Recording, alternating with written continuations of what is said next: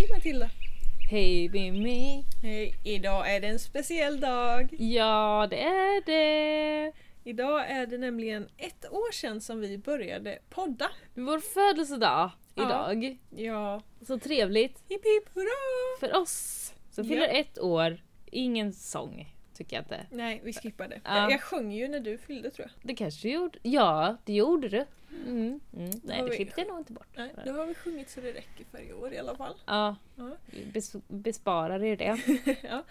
Yes, idag för exakt ett år sedan så spelade vi in, redigerade och la upp första poddavsnittet hemma hos mig. Oj, oj, oj. Gjorde vi allt på en dag? Ja. Det var snabba ryck. Så snabba har vi aldrig varit sedan dess. Nej, verkligen inte.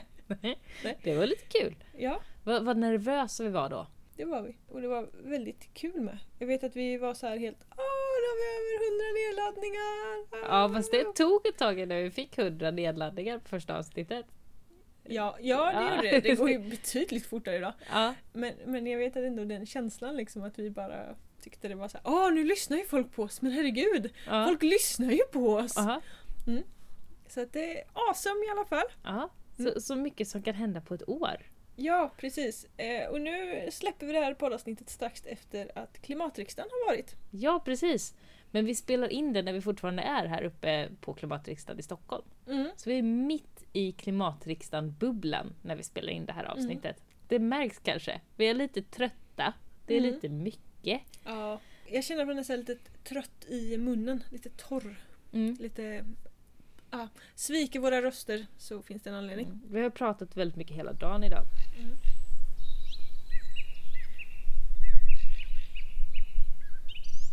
Vad har hänt idag? Ska vi köra en liten summering? Det är ju det som Mm. eh, vi är till för. Det är därför vi är här. För att bevaka klimatriksdagen. Mm. Och det har vi ju gjort eh, både som livesändningar på Instagram och eh, vi har gjort små klipp som vi ska lägga ut i poddens namn.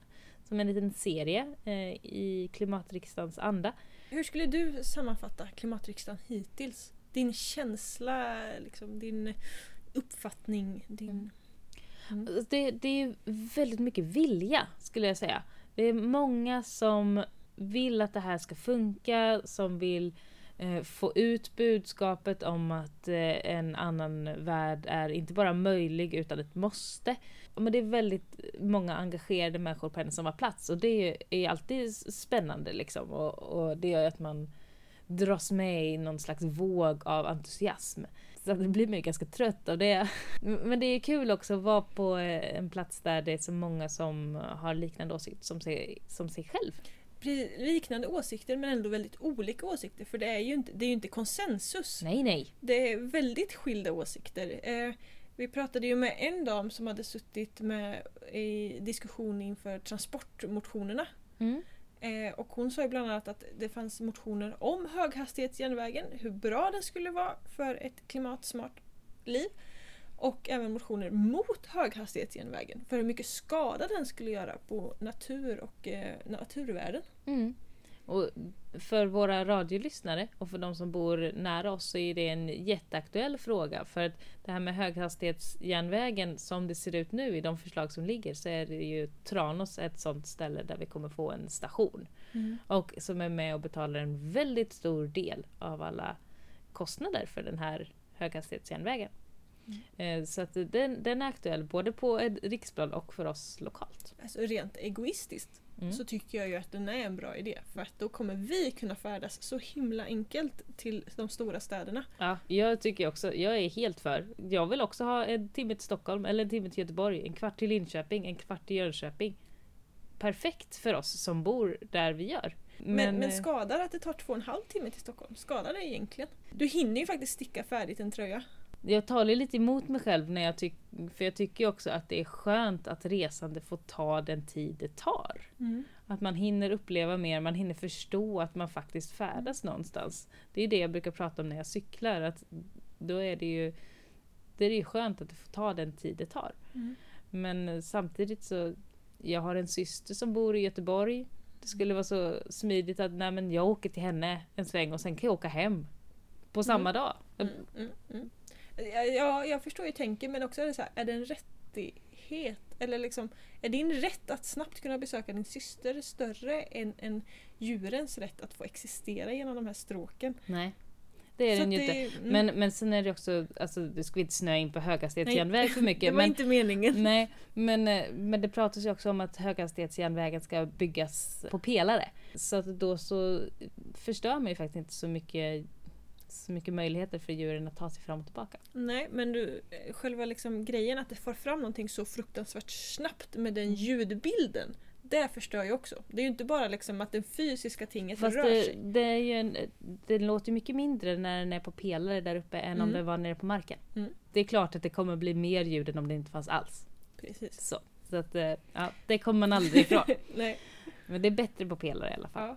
Men Vi får se vad som händer i framtiden med den frågan. precis, åter till klimatriksdagen. Det var ju det vi skulle prata om. Ja. Inte höghastighetståg. Också ett engagerande och roligt ämne. Det tar vi någon annan gång. Får vi fördjupa oss i det. Ja.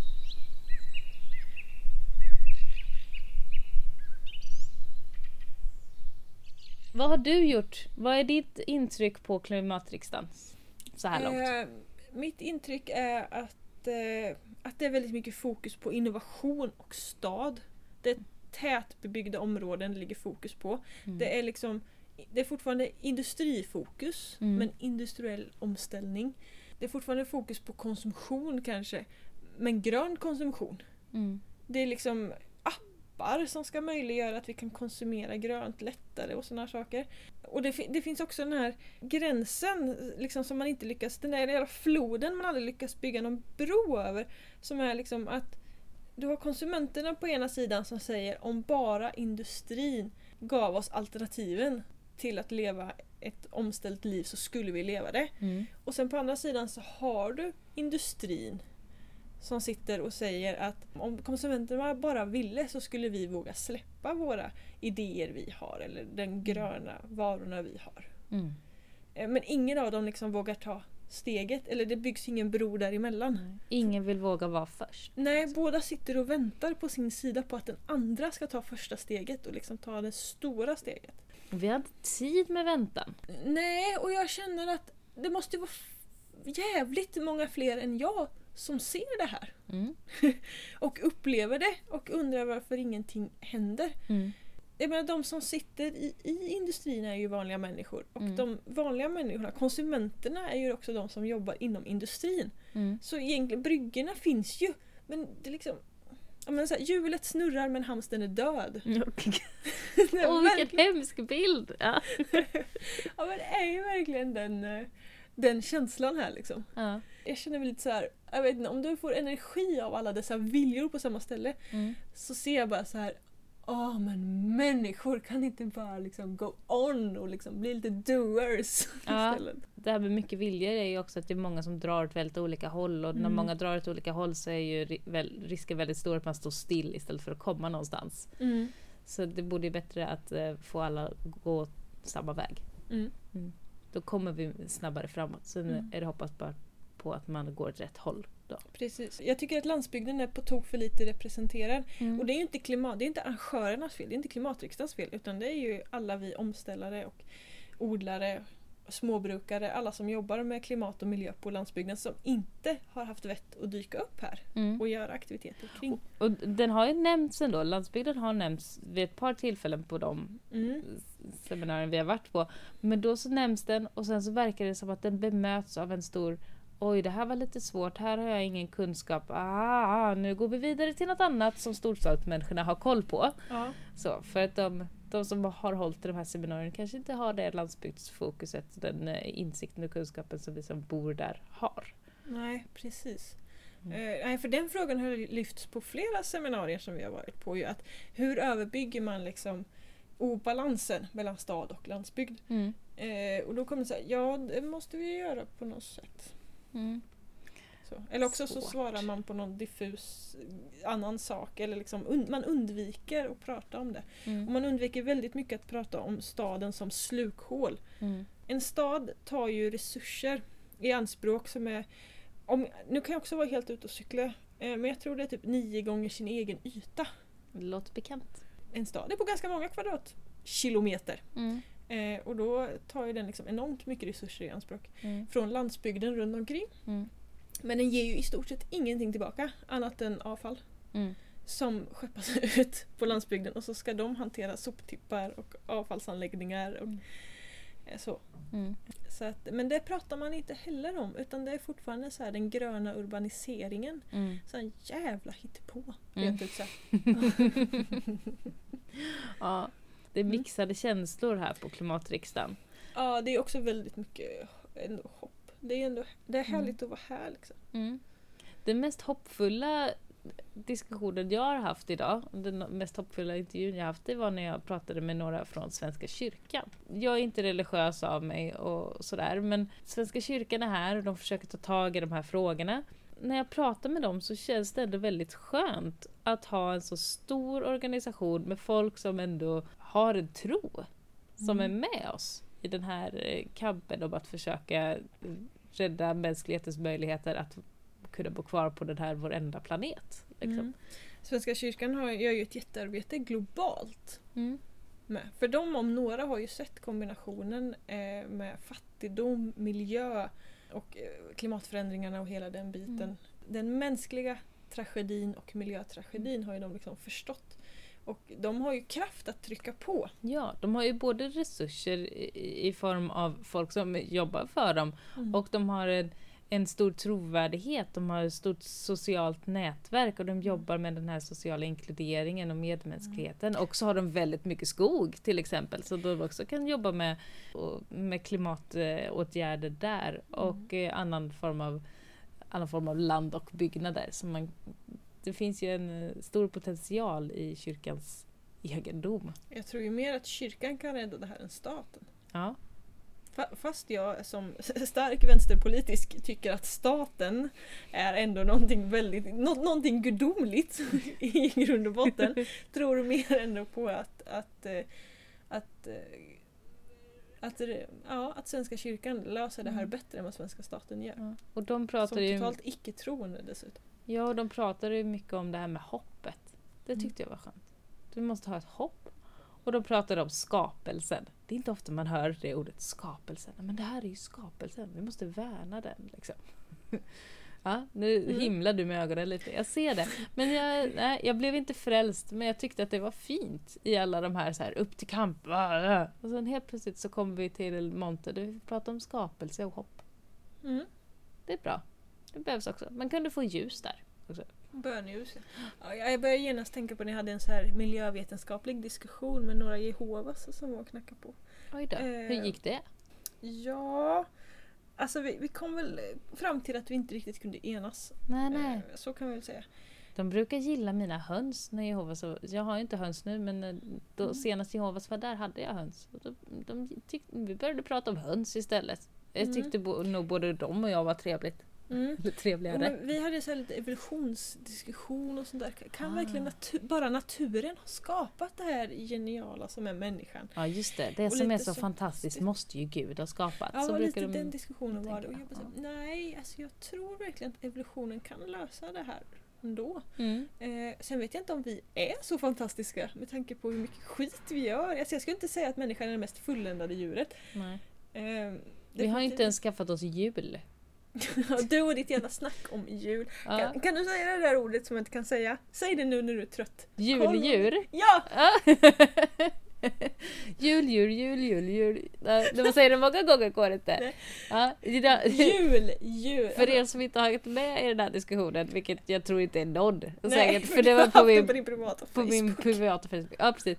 Det var att jag i en stund då jag pendlade på tåget och hade ingenting att göra eh, började fundera på varför har inga djur jul?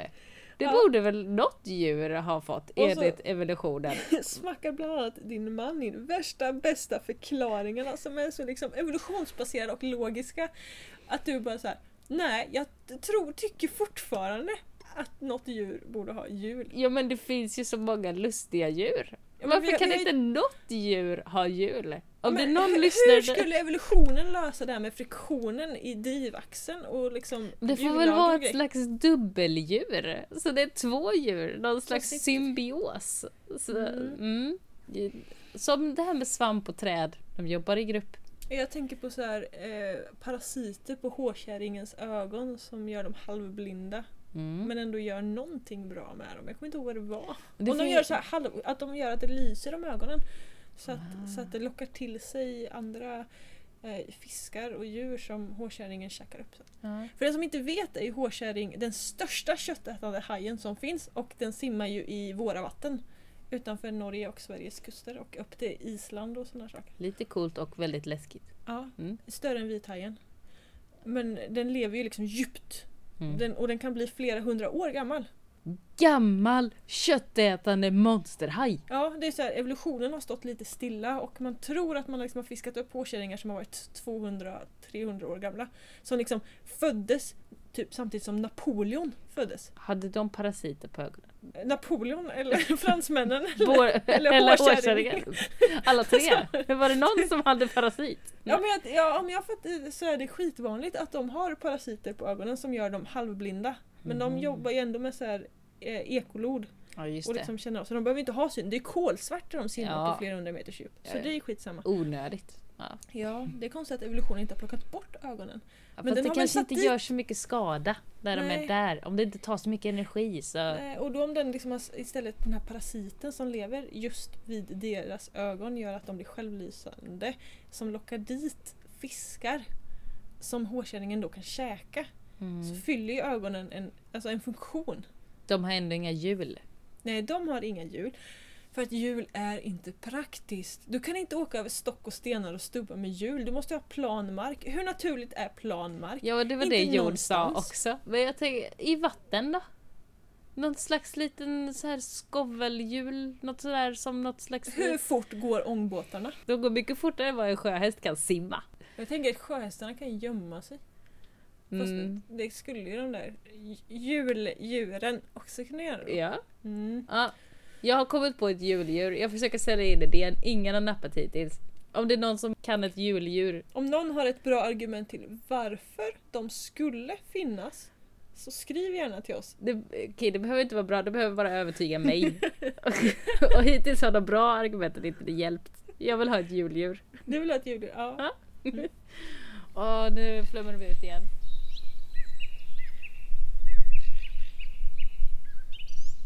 Yes, sorry. Tillbaks till klimatriksdagen. Eh, Ska vi dra lite vad vi har gjort nu då på klimatriksdagen, både igår och idag? Mm. Och vad vi kommer göra imorgon.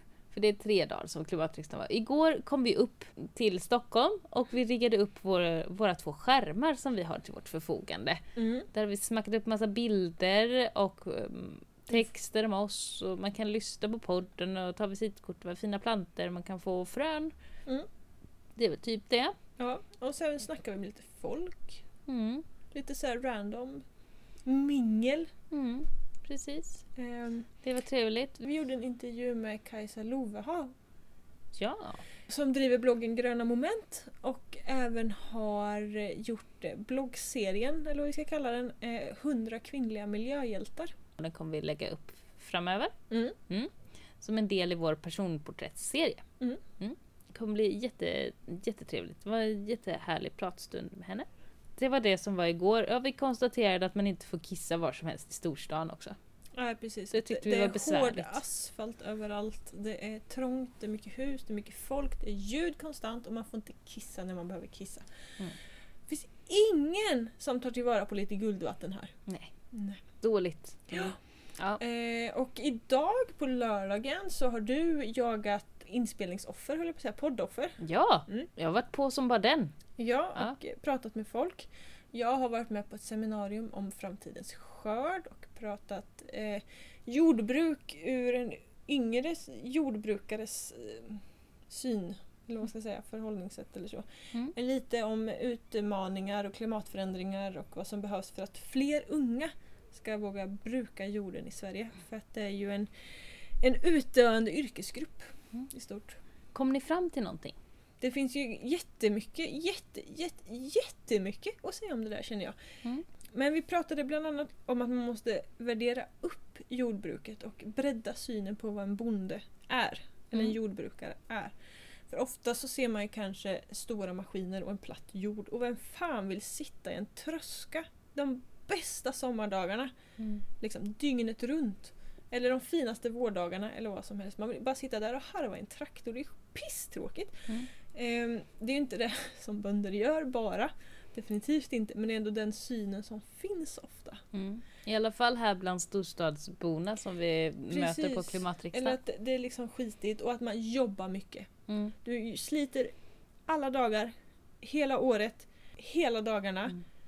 Och du får liksom inte ens så mycket pengar att du går runt Nej. ordentligt. Och man kan aldrig åka på semester och dessutom så kan man aldrig dejta för annars skulle vi inte ha bondesökare på TV. Ja. Precis. Så man kan inte hitta livskärleken heller om man inte går ut i betal-TV och liksom måste dejta in public. Ja, lite så. Mm. Det, det är ingen jättefin syn på något sätt vi har som bonde utan man måste man måste uppvärdera värdet av matjorden, att brukandet av matjorden och, och odlandet pratade vi en del om. Det var väl typ det vi kom fram till. Mm. Det är nog enda vägen. Att, och att man måste öka kunskapen för att om fler liksom får känna på hur det känns att så och skörda så kommer fler också vilja så att skörda. Mm. Just det. Ja. ja men det är viktigt. Ja, men när man har testat att så ett frö så vill man göra det igen. Mm. Ja, det är fint. Bra grejer.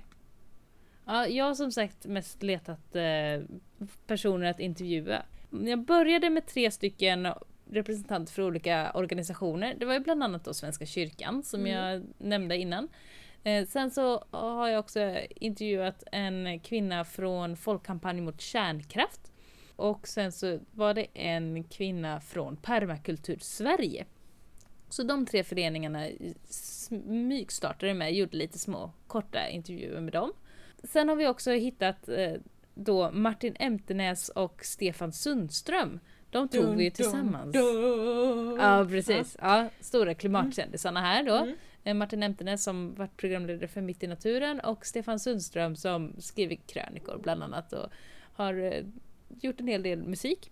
De intervjuade vi om deras klimatengagemang. Eh, Efter det fick jag tag på Sebastian eh, Kirpu. Eh, Han sommarpratade för ett par år sedan och pratade då om det här med skogen och modus och ja, men värdet av de få svenska urskogar vi har kvar och skillnaden mellan sko- riktig skog och granplantering till exempel. Eller lövträdsplantering. Ja, Det gäller ju trädplantering överlag. ja Vi precis. har nästan ingen skog kvar i Sverige. Nej, Vi har en jävla massa trädplanteringar men vi har nästan ingen skog. precis. Så han har pratat med också och pratat lite om det här med kalhyggen och eh, alternativ till det. Sen har vi pratat med Johanna Nilsson som eh, hade ett för, en föreläsning om slow fashion. Alltså en del av den här eh, hållbart mode, hållbar klädkonsumtion. Hon har ju även en blogg med samma namn, Slow Fashion. Och hon Ja. säljer smycken. Hon Mm. designar och säljer egna smycken på ett hållbart sätt under namn Johanna N. Mm. Och har ju även haft eh, klädbutik och sådär. Så att, eh, hon har vi intervjuat också, pratat lite mer om det. Det är väl dem jag har pratat med idag. Ja. Mm. Så får vi se om jag eh, lyckas haffa någon imorgon också. Kanske det. Och alla de här intervjuerna och eh, småklippen de kommer vi att eh, lägga upp under en egen liten serie. Eh, som vi kommer döpa till Klimatriksdagen eller något sånt. Mm. Så de kommer ni kunna hitta. Vet inte riktigt när. Men så snart som möjligt. När vi har fått tid att redigera klart där. När vi har kommit hem och andats lite. eh, då, då kommer de komma också. Som en bevakning av Klimatriksdagen. Mm. Mm, så håll utkik efter dem.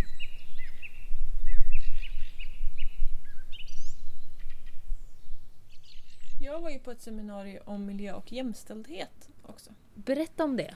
Jätteintressant och någonting som det nog eh, pratas lite för lite om.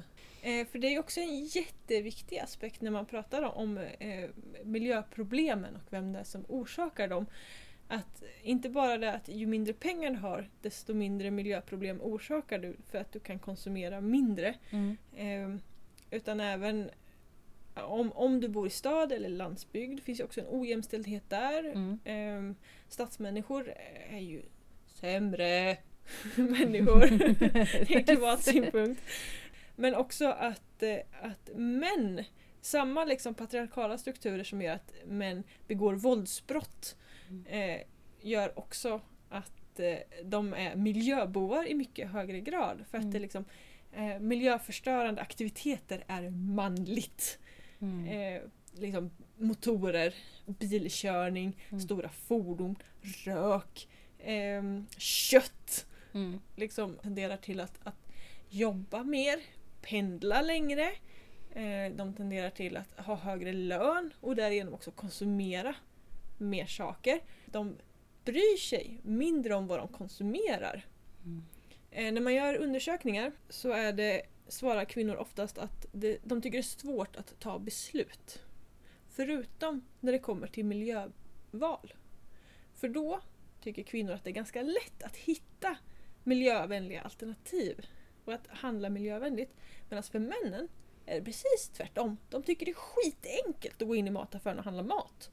Så länge de inte behöver handla miljövänlig mat. För då blir det jättesvårt för dem.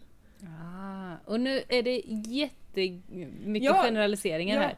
Men, men det är ju så den generella bilden är. Ja, det här är ju siffror som, som bland annat Konsumentverket har tagit fram.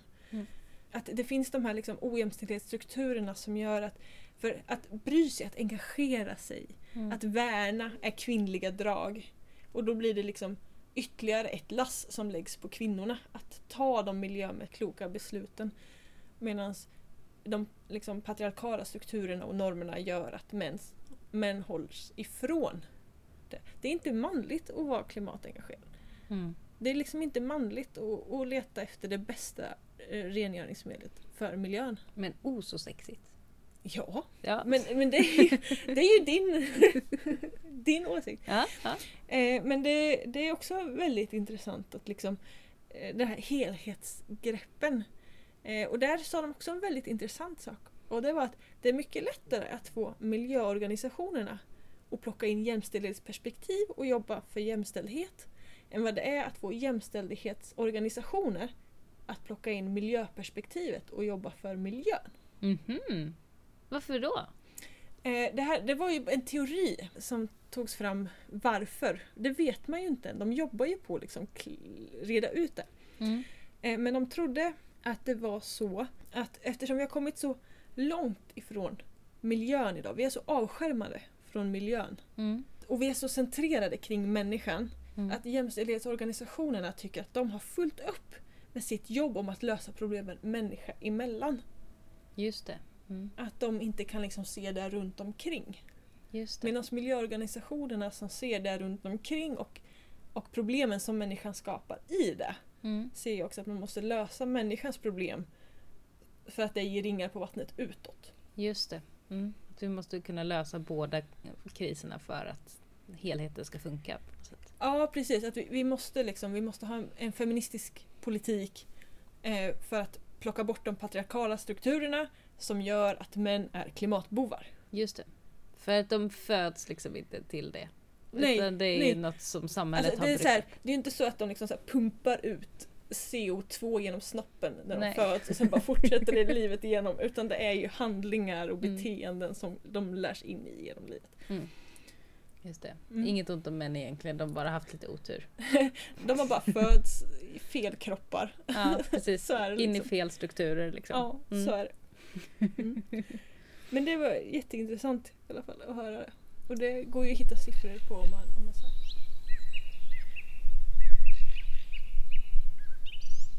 Imorgon på klimatriksdagen så är det den stora manifestationen. Det är då som eh, efter att alla som har velat delta i klimatriksdagen har röstat på de över 250 motionerna som är lagda så kommer det att vara 12 stycken favoriter, 12 stycken best of. Eh, som alla deltagare på klimatriksdagen kommer att gå i en marsch från Humlegården till någonstans där vi kommer läm- lämna över det här till Sveriges riksdag. Mm. Den riktiga riksdagen liksom. Inte Precis. bara våran klimatriksdag här. Vi kommer komma med 12 förslag till samtliga partier och bara det här tycker svenska folket. Mm. Eh, här kan ni välja åtgärder. Plocka den ni vill och genomför den. Mm. Ni behöver inte ens tänka ut dem själva, allt kommer serverat. Precis, så det blir spännande. Vi ska, vi ska gå en del imorgon. Ja. Mm. Då, Yes! gå lite för klimatet. Det, det blir bra. Det är liksom morgondagens mål. Sen ska vi åka hem.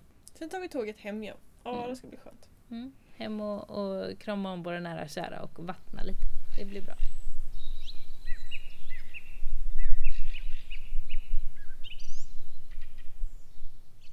Nu här när vi har varit på klimatriksdagen så har vi både köpt och fått lite olika böcker. Ja, Det tycker jag är, lite roligt. Vi, vi kommer prata lite om dem och också utlysa en tävling. mm. Mm. Med en annan bok ja som precis. vi också har fått. Alltså, nu snabb reflektion här. Jag tycker det är himla intressant med mängden böcker som pumpas ut om klimat, miljö, omställning och så vidare nu. Ja, Och jag tänker så att det är väldigt många människor som, som försöker rädda världen genom att skriva böcker. Ja, det är konstigt. Jag tycker vi ska göra mer som Stefan Sundström som eh, nu... Bygga en mur runt staden. Förlåt. Ja, det, pra- det pratade han också. Nej men han pratade om att hela resten av hans liv nu så skulle han ta och bygga jord. Bygga matjord. Ja, bygga matjord för att eh, då få ner kvä- eh, kolet från atmosfären ner i jorden igen. Att det skulle liksom Där, bli hans där det hör hemma. Ja, så det skulle bli hans livsuppgift att liksom bygga matjord på det sättet. Och eh, binda kol. Mm. Ja, och rädda klimatet på det Han sättet. skulle hem och kissa på biokol med. Ja, så det, det, tyck, det är handfast, det är bra, det förstår vi. Det är Ja. skönt. Ja, Vi kan relatera till det. Mm. Och det- jag tror att det hjälper. Det, är liksom, det vet vi att det hjälper. Ja, bä- bästa klimatångestboten är väl att göra så handfasta saker som att tänka att här har vi petat ner ett gram kol som kommer stanna. Mm. Det är alltid, mm, Ja. bit för bit. Bättre det än att skriva böcker behövs också. Men Mm. det, det vet vi inte om det har samma effekt. Nej, upplysningen är ju viktig men upplysningen tar ju också resurser. Jag tänker så här, eh, ja. Vi, ska- håller ju också på det. med upplysning lite grann nu här Ja, och med det här podden. tar också resurser. Det gör det. Ja. Eh, väldigt mycket eh, olika metaller och sånt där som bryts på väldigt dåliga sätt som krävs för inspelningsutrustningar, datorer och minneskort och hela kittet. Dumt, dumt, dumt. Ja, så att, eh, vi, ska inte gå in, vi ska inte gå in på de funderingarna. Jag tycker det är bra att vi har en podd ändå. Ja, Eh, Ska, ja. vi ta, ska vi ta lite de böcker som vi har eh, både fått och köpt? Köpt. Eh, vill du börja? Eh, nej, alltså jag, jag ramlade över två stycken böcker, eller jag ramlade över en bok. Låg den på golvet? Eh, ja, nästan. Faktiskt. Vad var det för bok? Det är en, en liten bok som inte är... Alltså jag pratade med han som hade skrivit den. Det är Eh. väl ingen liten bok det där? Det är en jättestor bok. Men det, Ja, nu, nu har vi lite olika referensramar. När jag tänker stor bok, då tänker jag böckerna jag hade när jag läste marknadsföring. Och då kör, kör vi liksom böcker som är så här 40, 45 cm höga, 40 cm breda och liksom en decimeter djupa. Okej, ja, det är ingen telefonkatalog, det är det ju inte. Men Nej, det är ändå... en stor bok. Ja, okej. Den gamla tidens telefonkatalog ska vi liksom så här, inte den här lilla minivarianten som Har- kommer nu. Har den bilder? Nej. Nej. och den har jättemånga sidor, den är säkert 300 sidor. Ja, Ja, exakt. det är bra gissat av mig. Ja, Ja. Mm. Eh, ja, nej men den är skriven av Staffan Lastadius som är eh, professor på Kungliga Tekniska Högskolan inom industriell omställning. oj! Vad heter den? Eh, klimatet och välfärden mot en ny svensk modell. Och den här var inte jätteny. Han, han eh, prånglade på med den nyare boken han hade skrivit också. Mhm, Eh, för att den här var lite, inte riktigt lika uppdaterad. Men de handlar ju om olika saker. Okej. Lite. Eh, han liksom föreslår en ny svensk modell för industriell omvandling liksom mot ett, ett fossilfritt samhälle eh, med minskad arbetslöshet. Och det är så här, man, man tror ju liksom inte att en grön omställning och välfärden är möjlig. Eh, i många, många gånger tycker jag att man hör det argumentet. Liksom, Mm. att, Det eh, går ändå inte. det något sätt. går inte. Och vem ska jobba ihop till pensionerna och sjukvården och, och barnomsorgen och skatterna och alla de där pengarna? Ja. Om alla bara ska vara gröna. ja, precis. Det går ju inte. Nej det går ju inte. Om vi inte ska producera, om vi inte ska öka vårt BNP och sånt där. Vad ska vi då få pengar? Skitsamma. Men det här, han ska i alla fall presentera en, en, en variant hur man kan göra det. Ja. Jag tyckte det lät lite spännande. Mm. Klimatet och välfärden och vad hette han? Lastadius. Lastadius. Mm. Vad var det mer för bok? Eh, den andra heter Klimatet och omställningen. Mm. Det här är också en liten bok, men ännu tjockare bok. Ha- Han, han föreslår massa åtgärder i den boken. Alltså konkreta förslag på hur omställningen ehm, kan se ut. Mm, Den tycker jag låter roligare. Det står så här. De människoskapade klimatförändringarna utmanar vår syn på frihet och moral. Föreställningen om den eviga tillväxten, sy- synen på statens roll och på vad som är vänster och höger i politiken lika så. Konkreta förslag på åtgärder i en omställning som på allvar vill förändra den negativa utvecklingen behövs. Och sen att de åtgärder som föreslås i den här boken är en början. Ja. Klimatet och omställningen. Staffan Lastadius. Åh, vad bra! Då får vi, vi får Mm. återkomma till dem när du har plöjt dem. Ja, precis. Det är ganska lätt, Mm. lätt text verkar det som. Så Ingen av de böckerna som vi pratar om idag har vi läst. Måste vi Nej, se. Det har vi, liksom, vi har fått dem idag. eh, Så Mm. att vi har inte hunnit. det de ska bli intressant tänker jag att, att det grottar ner sig i lite. Ja, Mm. trevligt, trevligt. Mm. Jag har fått en bok här av eh, Sebastian Kirpo. Jag bytte den till mig höll jag på att säga. Jag gav honom en tygkasse med vår logga. Eh, som tack för att han ville ställa upp i vår podd. Och då fick jag den här boken. Eh, Skogslandskap farväl. Eh, 16 naturskyddare om 65 år i Dalaskogen. Mycket mer än så vet jag inte om den här boken. Förutom att jag har fått den av honom. Jag kan läsa lite här på baksidan.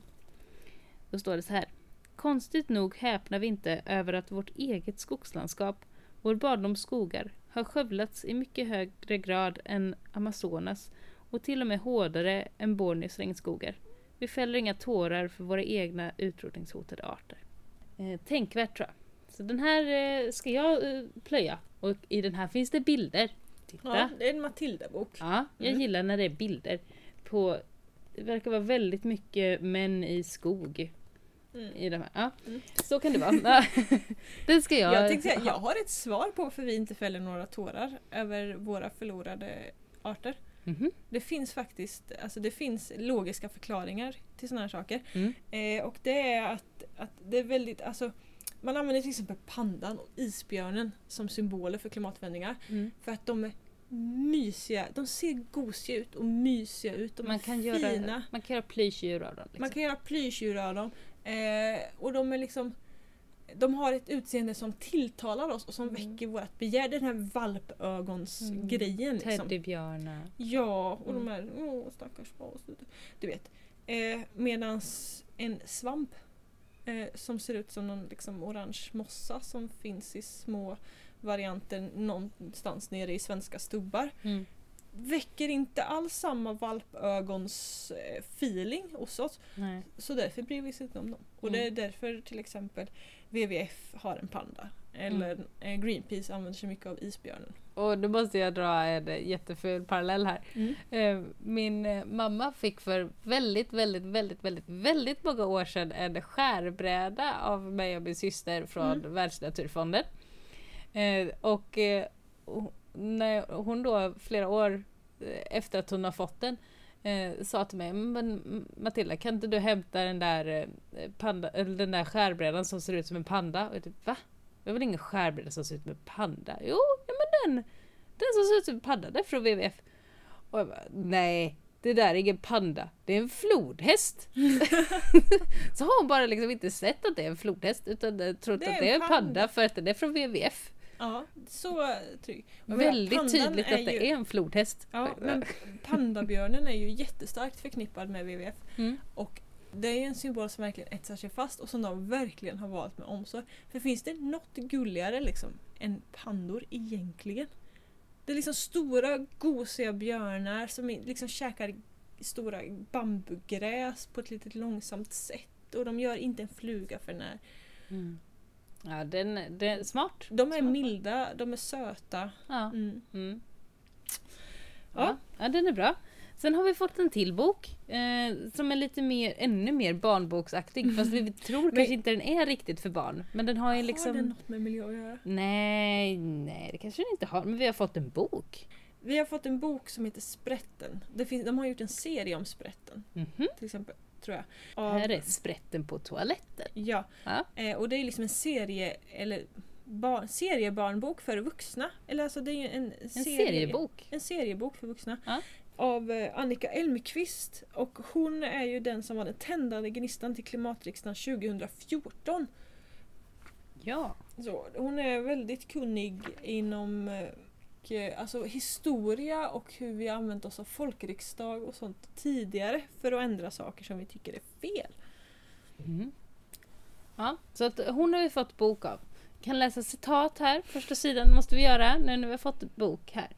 Eh, Sprätted satt på toaletten och medan han sket som en raket tjänade han några miljoner kronor på ett dataspel som heter Aktier och opinioner. Sen torkade han sin stjärt och la av en fjärt. Mm. Det är poesi och bild och lite kul. Ja. Ja. Eh, så den eh, ska vi läsa också. Ja. Mm. Kolla på bilder. Ja. Ja. Kanske en bok som hamnar på toaletten.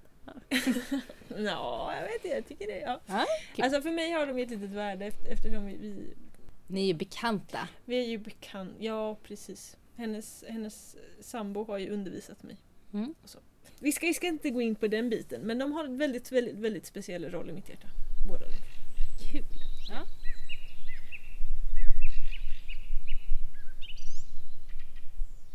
Mm. Mer böcker. Ännu mer böcker. För att när vi skrev på Instagram att, eh, Vi fyllde år. att vi fyller år ja, så undrade vi vad vill ni ha? Och då var det några som skrev en tävling, vi vill ha en tävling. Eh, lite så. Eh, och då tänkte vi att ja men vill ni ha en tävling? Då får vi fixa en tävling. Vi löser det, tänkte Mm. vi. Samtidigt som, ungefär samtidigt som vi eh, la ut det här så fick vi också ett mail. Mm. Från en eh, Kristina Almen eh, som har skrivit boken Jorden vi ärvde, drömmen vi lever. Och eh, hon ville gärna att vi skulle recensera den boken här i våran podd. Mm. Och det ska vi göra. Det ska vi göra, men vi har inte haft tid att läsa den än. Vi har hunnit bläddra lite i den. Då pratade jag med henne om det här att vi vill ha en tävling och kan den här boken också få vara pris i våran tävling? Och det är den! Vi har ett signerat ex som vi kommer att lotta ut till eh, någon vinnare av våran tävling. Tillsammans med en tygkasse. Vi toppar med en tygkasse med tryck med gröna fingrar och svart jord. Sydd av mig. Precis. Tryckt av dig, sydd av dig. Precis. Ja. Eh, Så, så det är med. För att vara med i tävlingen. Då ska ni göra så här. Ni ska ta en bild när ni lyssnar på våran podd. Eller ser ut som om ni lyssnar på våran podd i alla fall. Mm. Eh, och lägga upp den antingen på Instagram eller Facebook eller båda ställena. Och tagga oss i den bilden så att vi ser den. Mm. Antingen skriva då hashtag gröna fingrar svart jord eller snabel gröna fingrar svart jord i ett Precis. ord.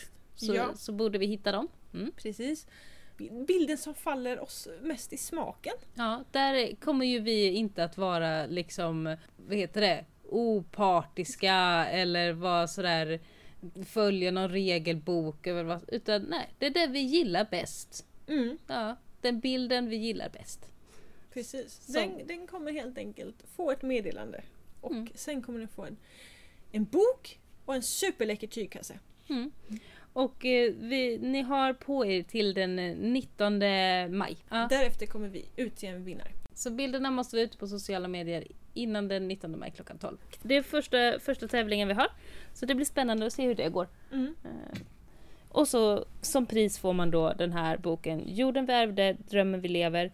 Skriven av eh, Kristina Almen som eh, man kan hitta mer om på www.brantas.se. Och ni kommer också få en eh, tygkasse som jag har sytt och som vi har tryckt gröna fingrar svart jord, våran logga på. Så det, blir kul. Mm. Det kommer bli jättekul. Mm. Eh, jag tänker att man kan ju klura på om man vill ha tygkassen signerad också kanske. Oj oj oj, ska vi till och med toppa med signerad Ja, tygkasse? Oj oj oj, ja men det, ja. Här bara så här, smackar vi på det liksom. Det är som när så här, amerikanerna gör hamburgare. Det är så här, bröd, hamburgare, ost, chiliost, friterade lökringar, eh, stekt lök. En hamburgare ost, till! En hamburgare till! Lite så här, lite bacon, lite så här slow cooked eh, pulled någonting och sen Majonnäs! majonnäs, coleslaw, krydda liksom och sen ett spett igenom. Man får aldrig in den i munnen. Nej, vi Nej. bara maffar på. Ja, Mm. för det här är vår ettårsfest Ja, och vår ettårstävling. Ja. Bra!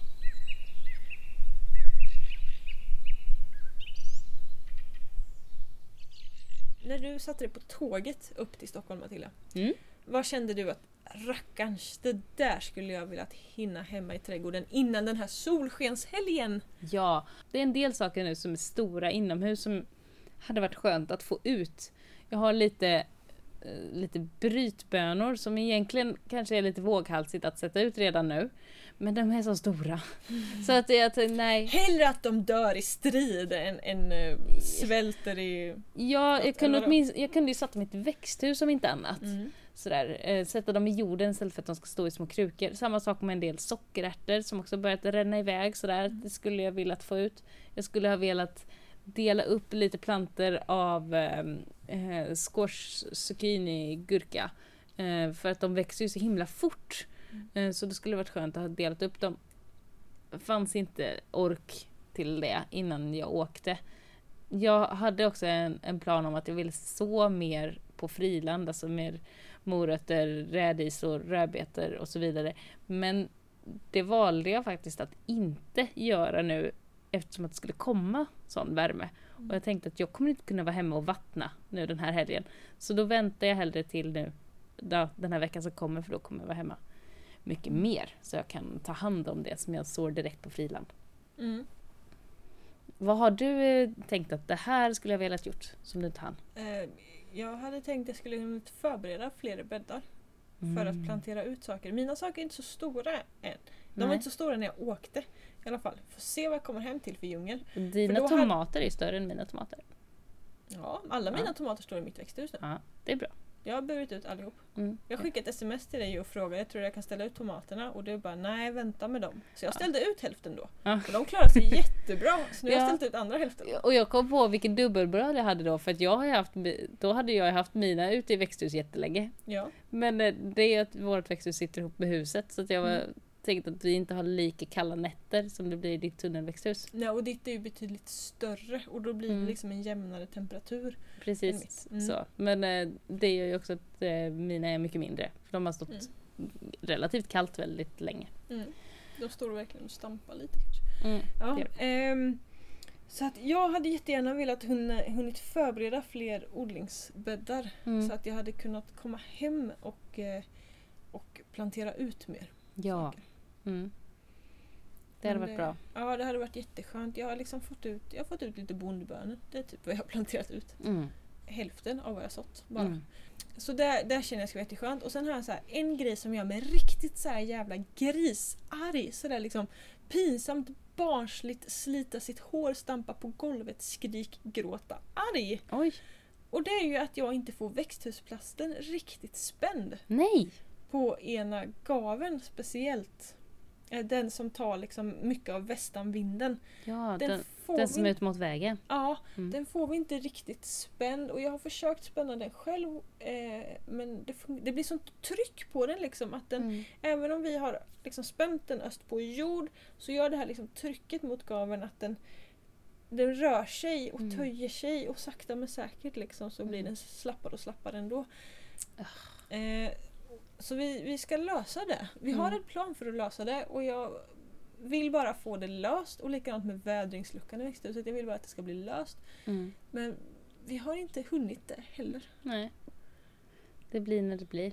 Ja, men det är en sån här grej. Jag tänkte jag skulle gå in i växthuset och förbereda och liksom täcka bäddarna med tidningspapper och, och vattna dem med guldvatten och liksom verkligen så maxa nu Mm. eh, så att komposteringen av all hönsskit och sånt som ligger där verkligen kickar totalt eh, så att den hinner liksom gå upp i värme och sjunka innan tomaten och det ska ner i den jorden. Just det. Eftersom det ligger en del obränt där också. Mm. Ehm, men så kände jag så här att jag vill inte göra det om vi ska ju gräva och spänna. Nej. Det blir så här störnings... Du Mm. vet. Det man bara så här, nej skit jag vill ju det här med då. Mm. Så går jag så här, därifrån. Mm. Så det ska vi förhoppningsvis få löst Mm. snart. Hoppas det. Mm. Ja. Oj, oj, oj. Har du satt potatisen? Mm. En del av. Ja, det är bra. Jag har ju Mm. satt i hinkar i växthuset, Ja, just det. i, i hinkar på friland, i svarta hinkar i skyddat läge. Friland. Jaha. Ja. Och så har jag satt ner några sådana där, typ Maria, som ska vara tidiga och snabba. Ja, just det. Mm. Men, men den stora höstpotatisen, det som vi ska lagra, det har inte åkt i än. Det kommer. Ja, Det är min, bra. min jordtermometer visar bara att det är fem grader i jorden. Ja, det är nog så. Ja. Och Och det det, är- har, vi sa ju i allra första poddavsnittet för ett år sedan att man ska sätta potatisen när träden blommar. Mm. Och det har de inte gjort än. Nej, förra året så gjorde de det nu. Mm. För då satte jag potatisen första maj. Ah. Oj, oj, oj. Mm. Mm. Ja, det är häftigt. Mm. Ja, vi ligger lite efter fortfarande i år. Mm. Det är vi. Men snart. Mm. Mm. Så det är mycket jobb framöver, det är en intensiv tid. Mm. Det ska bli härligt efter den här storstadsupplevelsen att lyssna på fåglarna, tystnaden och bara känna smutsen under naglarna. Känner jag. Så himla skönt. Jag längtar Ja. efter Ja. svarta naglar. ja, verkligen, verkligen. Det om det. Ja, nu, nu ska vi sova. Vi är jätte, jättetrötta. Vi måste orka med den här marschen imorgon. Mm. Yes. Ja, tack för att ni lyssnar och för att ni peppar oss på Instagram. Hoppas att ni vill vara med i tävlingen. Mer information om den kan ni hitta på vår Instagram och på vår Facebook. Yes. Hej då!